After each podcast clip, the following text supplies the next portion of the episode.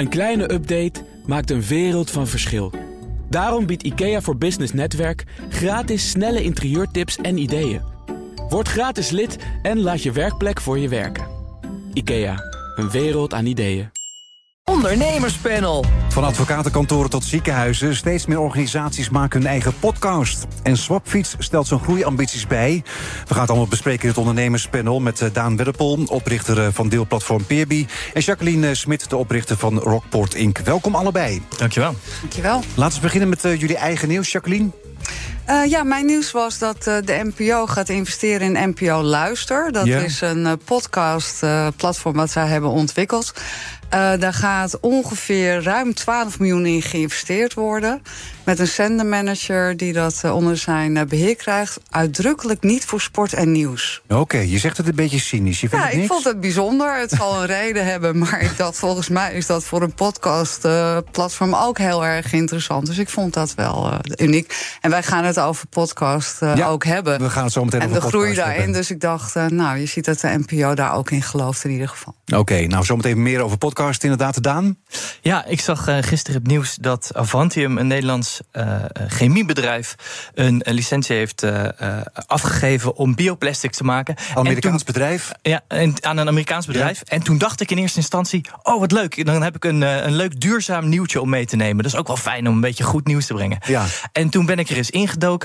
En toen was het toch weer een teleurstelling. Waarom? Ja, nou kijk, het heeft wat voordelen, die bioplastics. Uh, je hebt geen fossiele brandstof meer nodig, dat is heel fijn. Uh, maar toen ging ik lezen over, ja, maar breekt dat dan echt af en zo? En heb je dan geen plastic soep meer? En helpt dit tegen wegwerpafval?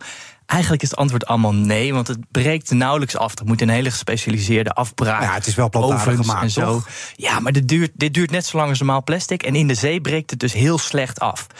En uh, dan, dan kom ik dus weer tot de conclusie dat ik denk: ja, oh, we doen het weer. Hè. We proberen eigenlijk de bestaande ketens allemaal gewoon in stand te houden. En dan een klein beetje anders, klein beetje anders. Uh, maar blijkbaar kan het dan nog eventjes niet anders, want zij zijn er heel lang mee bezig geweest. En uh, nu hebben ze ja. een licentiemodel voor een Amerikaans bedrijf. Maar we, dus het probleem is, we proberen hetzelfde te blijven doen met een kleine tweak. Maar we moeten gewoon toe naar oplossingen zoals uh, Pieter Pot, helemaal verpakkingsvrije ja, maar niet alles supermarkt. Is meteen. Nee, dat is zo, dat is zo, ja. Maar, maar ik, kunnen we daar niet in investeren? Ja. Dat, het, uh, ja, ik ben dan toch teleurgesteld. Dat we dat eigenlijk het systeem proberen te behouden met de Hmm. oplossingen waar veel geld in gaat zitten. In plaats van het systeem echt veranderen. Oké, okay. nou laten we het hebben over uh, Swapfiets. Want uh, zij stellen de groeiambities uh, bij. De aanbieder van de huurfietsen wilde 1 miljoen gebruikers in 2025. Maar laat dat doel nu los, uh, zo meldt het uh, FD. Ja, eind dit jaar hebben ze er nu, even kijken, 300.000 abonnees. Er zit nog wel een beetje een gat tussen tot 1 miljoen dan, hè? 700.000 tussen, dus dat is best wel heel veel. Ja. ja, en ik denk ook dat het heel complex is, hoor, om de infrastructuur goed te hebben. En hè, het gaat natuurlijk over het transporteren van die fietsen, onderhoud van de fietsen. Uh, maar ook moet het gewoon interessant zijn. En bijvoorbeeld in een stad als Amsterdam, waar ze zelf ook als voorbeeld uh, hebben genomen, zijn er zoveel andere vo vormen.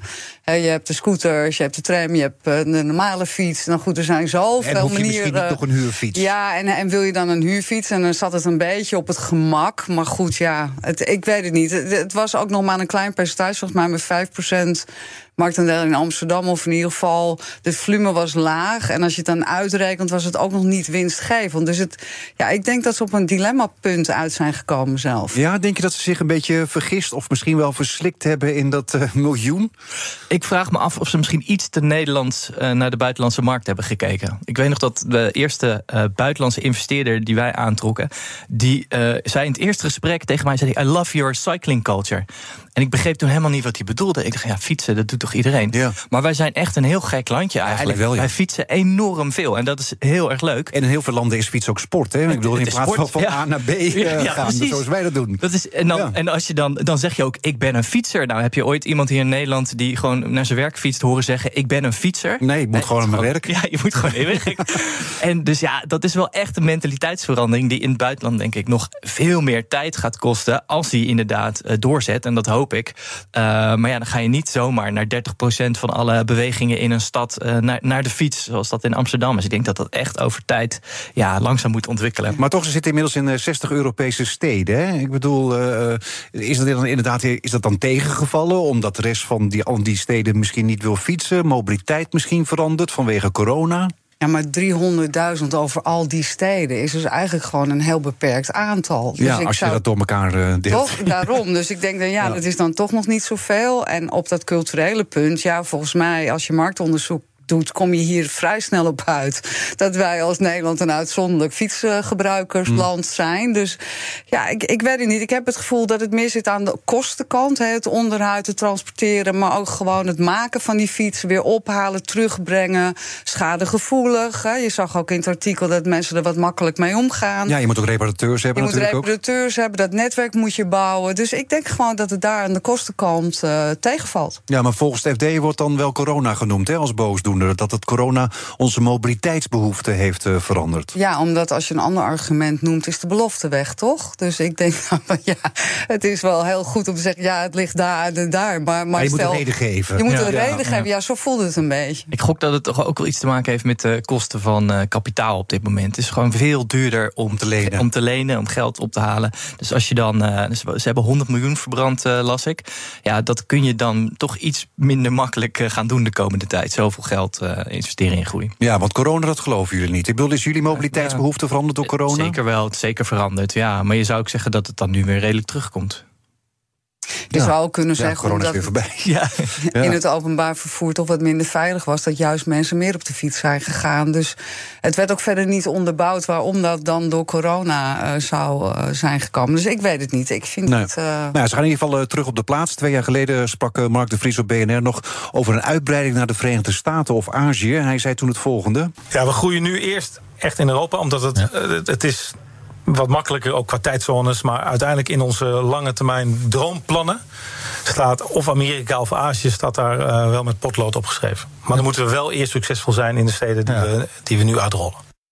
Ja, ja, eerst ik gun succesvol het ze zijn. ja, ik gun het ze van harte. Ik bedoel, het is wel een, een mooi concept in zichzelf. Klopt het? Hmm. Uh, dus wellicht als ze het in de infrastructuur op kunnen lossen, dat die groei ineens wel hè, meteen in zo'n golf gaat, dat het, dat, het, dat het hard kan gaan. Maar denk je dat ze Omdat nog in de Verenigde Staten. hebt. Ja, denk je dat ze nog in de Verenigde Staten en Azië zullen komen? Ik bedoel, er is ook inderdaad een hele andere cultuur waar fietsen eh, naar je werk niet echt normaal is. Ik denk dat, eh, dat met wat geduld dat ze daar prima naartoe kunnen. Maar dit is dus eh, zo'n systeemverandering waar ik het eh, eerder al over had met de verpakkingen. Dit is, dit is echt een best wel een andere manier van, van fietsen, zou ik maar zeggen. En, en, en van de wereld indelen en van je vervoeren en van hoe je omgaat. En dit is een, het is een circulaire fietsen. Ze repareren die en eh, dus je koopt hem niet, maar het is een, een, een soort van, van, van recycle concept zou je kunnen zeggen. Ja. Ja, dat kost eh, tijd. En ik denk dat we ons dat moeten gaan realiseren. Dat we daar moeten investeren en dan geduld moeten hebben. Eh, want het ja, gaat gewoon niet zo snel. Maar het moet wel allemaal gaan gebeuren. Het gaat ook gebeuren. En, maar ja, het gaat, ja, een Even geduld hebben, inderdaad. Ja. Nou ja, investeringsmaatschappij PON stapte in 2018 eh, Swapfiets. Ja, en zij moeten nu af en toe wat verliezen. Zullen ze daarmee eh, doorgaan? Uh, ik weet wel van hen dat ze in mobiliteitsoplossingen heel serieus zijn. Dat ze, nou, en dat klopt natuurlijk ook wel, want de kern van hen is, uh, zijn de automobielen. Dus zij zullen kijken welke andere concepten succesvol zijn. En ik denk dat ze zich ook wel bewust van zijn dat als je zo'n systeemverandering wilt, dat het tijd kost en investeringen. En ik heb ook begrepen dat ze die ruimte ook hebben. Dus uh, ik denk dat dat ook een hele goede partner is om in de lange tijd zeg maar succesvol te kunnen worden. Ja, ze kunnen groeien, alleen misschien iets langzamer dan in Ja. Eerste instantie verwacht. Denk ik. BNR Nieuwsradio. Zaken doen. Edwin Mooibroek. En we zitten midden in het ondernemerspanel vandaag met eh, Jacqueline Smit en eh, Daan Wedderpol. Ja, zowel werkgevers als werknemers zijn gebaat bij een vierdaagse werkweek. Blijkt allemaal uit onderzoek van de Universiteit van eh, Cambridge, waar onder andere de ondernemer en trouw deze week uh, over schreven. Hoeveel dagen in de week werken jullie trouwens? Zes, zeven. Zes, zeven. Slecht voor je. Zes, zeven en dan een week gewoon weer uh, drie, vier. Oh, het wisselt inderdaad heel ja. sterk. Nou, het onderzoek is uitgevoerd bij ongeveer uh, 3000 werknemers bij uh, 60 bedrijven. En de organisaties die meededen, die noteerden een gemiddelde omzetstijging van 35% ten opzichte van dezelfde periode het jaar ervoor. Dus minder uren werken, maar wel een omzetstijging. Ja, ik, ik wil heel graag dat dit waar is. En ik hoop ook dat Je het gelooft waar het is, niet? Maar ik heb wel een paar vragen. Universiteit van Cambridge, hè? Ja, ja, ja. Maar ja, de gemeten periode eh, is eh, het laatste halfjaar van 2021, eh, meen ik. Dus dat is afgezet tegen het coronajaar. Zijn Ja, tussen 35%. juni en december. Ja, ja. Dus dan, oké, wat, maar hoe deden ze het dan het jaar ervoor? Zijn ze naar beneden gegaan door corona? Dat is een grote vraag die ik heb.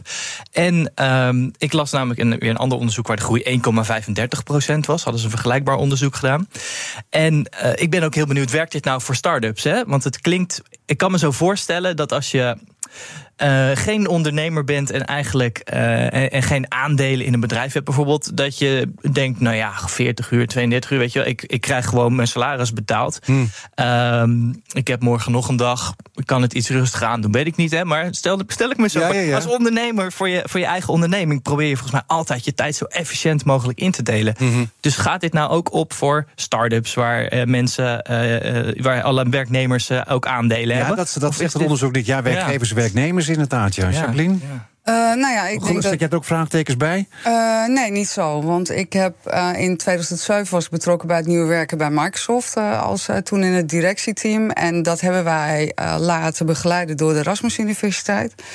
Eh, en zij kwamen er echt wel op uit dat als je meer zeg maar, je werk kan organiseren naar de taken, dus zelf kan kijken wat is er nodig voor deze activiteit, dat de productiviteit inderdaad omhoog gaat.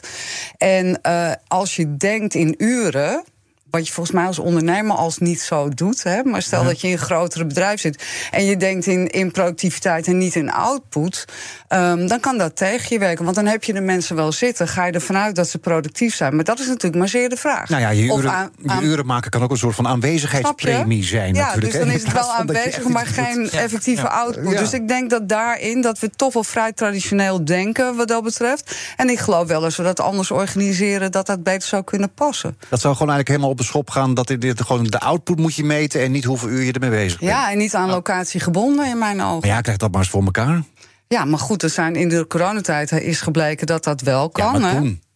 Ja, maar goed, we zijn twee jaar hebben we dat kunnen oefenen. Ik vind, We mogen wel een beetje opschieten wat dat betreft, Ja, toch? nou ja, aan de andere kant natuurlijk om het personeelstekort het hoofd eh, te kunnen bieden, roept het ministerie van Sociale Zaken en Werkgelegenheid juist op om meer uren te maken. Ja, dat is een beetje tegenstrijdig, hè? Ja. Zou de- dus we moeten eigenlijk we moeten eerst die, die vierdaagse werkweek invoeren... en dan iedereen heel efficiënt maken. En, en dan dat werk wat we doen weer opschalen naar 40 uur. Dat, eh, zoiets. Zoiets. Ja, Ja, ja. ja. ja. mm, En ja. dan wanneer je dat zou willen. Hè? Dus dat is ook zoiets. Want wij hebben ook zo'n 9 tot 5 cultuur in Nederland. Maar je zou ook, sommige mensen zijn echt s'avonds veel productiever. Nou, stel dat je gewoon de output goed hebt geformuleerd. Mhm. En je zegt, hè, ik wil dat je dat overdag in ieder geval gedaan hebt. Of over een week. Eh, waarom zou je dan nog kijken naar uren? Ja. Maar zijn werkgevers al zover, zeg maar, dat ze, dat ze... Kijk, inderdaad, tijdens de coronaperiode... daarom vonden heel veel mensen het leuk om thuis te werken. Of je doet 's ochtends heel vroeg, eh, doe je wat... en dan kan je daarna de kinderen naar school brengen... kan misschien even sporten, nou, dan werk je weer een beetje... ga je weer even iets anders doen, nou, dan werk je weer een beetje... en zo kan je dan je dag eh, indelen. Maar ja, de coronaperiode is voorbij. Ik bedoel, eh, krijgen we het zover? Wij zijn nog steeds volledig remote. Eigenlijk sinds corona eh, hebben wij geen vast kantoor meer. We hebben een plek waar we meetingruimtes kunnen boeken. En eh, ik ben eh, groot fan. Eh, want geeft Bij jullie werkt het? Bij ons werkt dat, ja. ja. En ik denk dat wij werken met mensen die intrinsiek gedreven zijn en die iets doen wat ze leuk vinden. En die ook zich gewoon nuttig willen voelen en goed werk willen doen.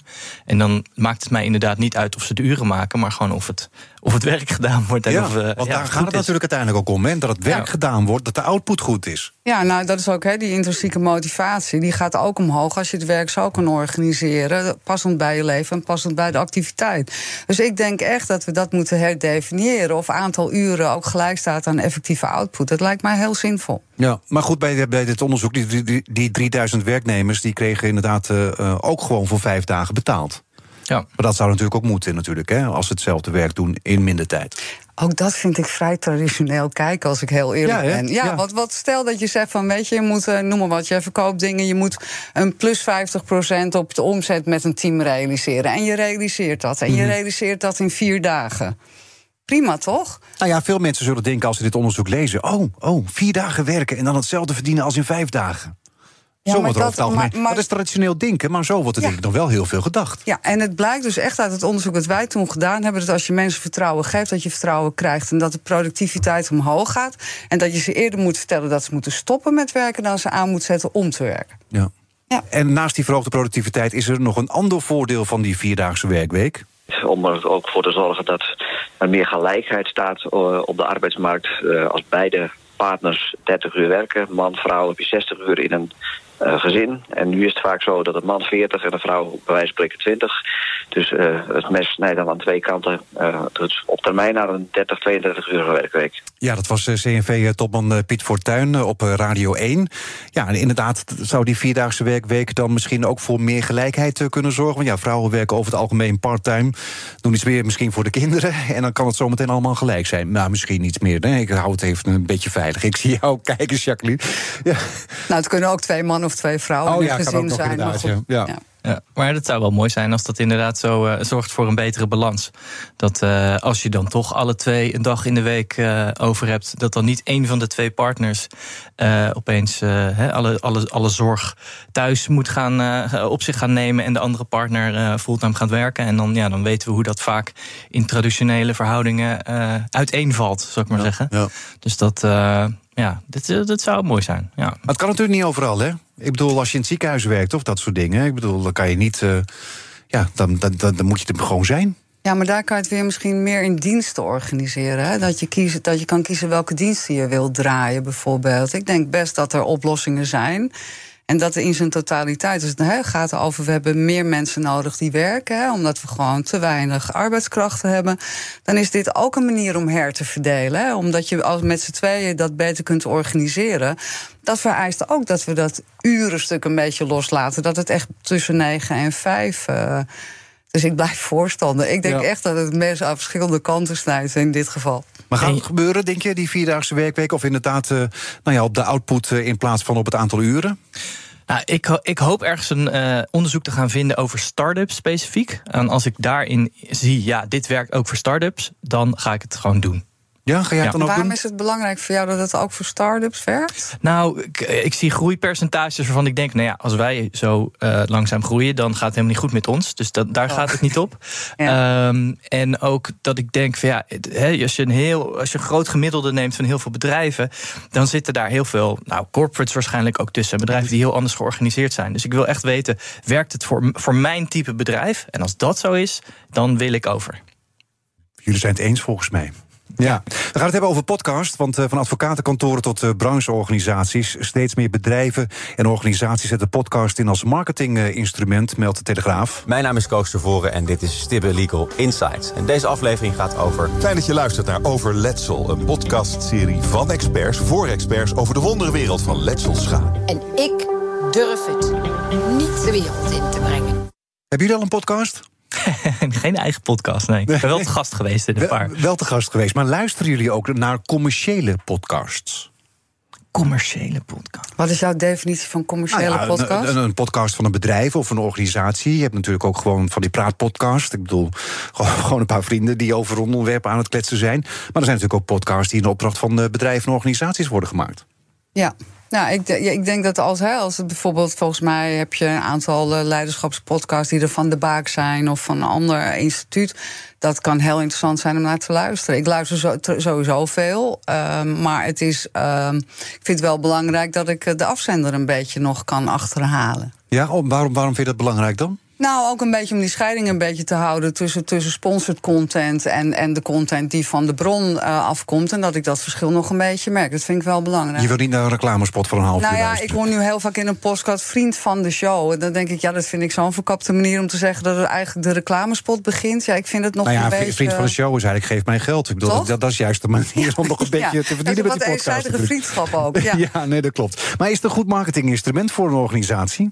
Ja, ik denk wel uh, vaak van als, als, je, uh, als het massaal geadopteerd begint te worden, dan moet je dus door naar, de volgende, naar het volgende kanaal. Oh ja? Je denkt dat het voorbij is? Dat ik denk dat uh, als er, ja, als, dan heeft, er zijn 6,5 miljoen luisteraars. Als er dan zometeen ook 6,5 miljoen podcastmakers zijn, dan hebben we precies een bereik van één allemaal. Ja, nee, nou ja, natuurlijk als iedereen één podcast ja, zou luisteren. Nee, dus maar. Ik denk dat er een aantal hele succesvolle uit gaan springen. Maar ja, het moet natuurlijk het moet echt heel erg passen bij je bedrijf. En um, ja, ik weet niet of je, er, of je dan nu nog op die trein moet springen. Of dat je moet kijken naar wat is nou het volgende kanaal wat nog onontgonnen is. Ja, maar goed, je hebt natuurlijk ook journalistieke podcast. Hè? Ik bedoel, dat is toch weer iets anders dan misschien ook. Zeker, zeker. En de, volgens, mij, de, want we, volgens mij hadden we het nu specifiek over bedrijven die dat doen. Ja. Dan zie ik het toch als een marketinginstrument. Ja, dan zeg ik, ga lekker een ander kanaal zoeken. Hm. Maar uh, ja, journalistieke podcast, heel fijn. Heel lekker om te luisteren. En dat zie je, blijven doen. En, en, dat zie je, en dat zie je nog wel groeien inderdaad ook.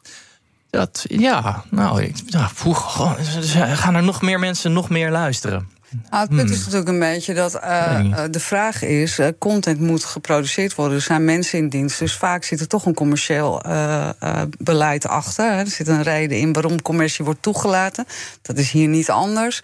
dus je moet wel iets bevinden dat het ook nog gemaakt kan worden. Alle content die gedistribueerd wordt, die wordt ergens gemaakt, geproduceerd. En heel vaak door een commercieel model ondersteund. Zeker. Er moet ergens geld mee verdiend worden. Daar, daar, daar, ben ik ook niet in. Maar dat is weer, weer anders dan dat een, een onderbroekenmerk zelf podcast gaat maken. Ik, weet, ik luister toevallig naar een podcast oh over Rusland. Is die er?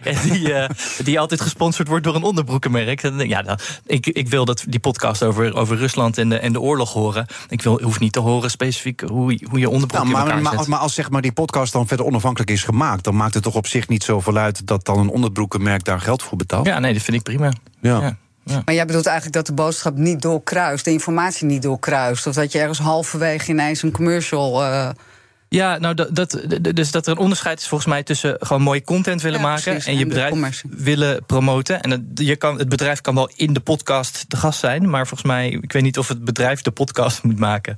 Uh, altijd. Nou ja, inmiddels zijn er bijna 900 uh, bedrijven bij de KVK ingeschreven die podcast maken. En het waren er uh, vijf jaar geleden nog maar 30. Dus het is nog wel een flink groeiende markt. Ook al denk jij dat het misschien uiteindelijk in ieder geval verzadigd zal zijn. In, in, makers, ja. ja, ja.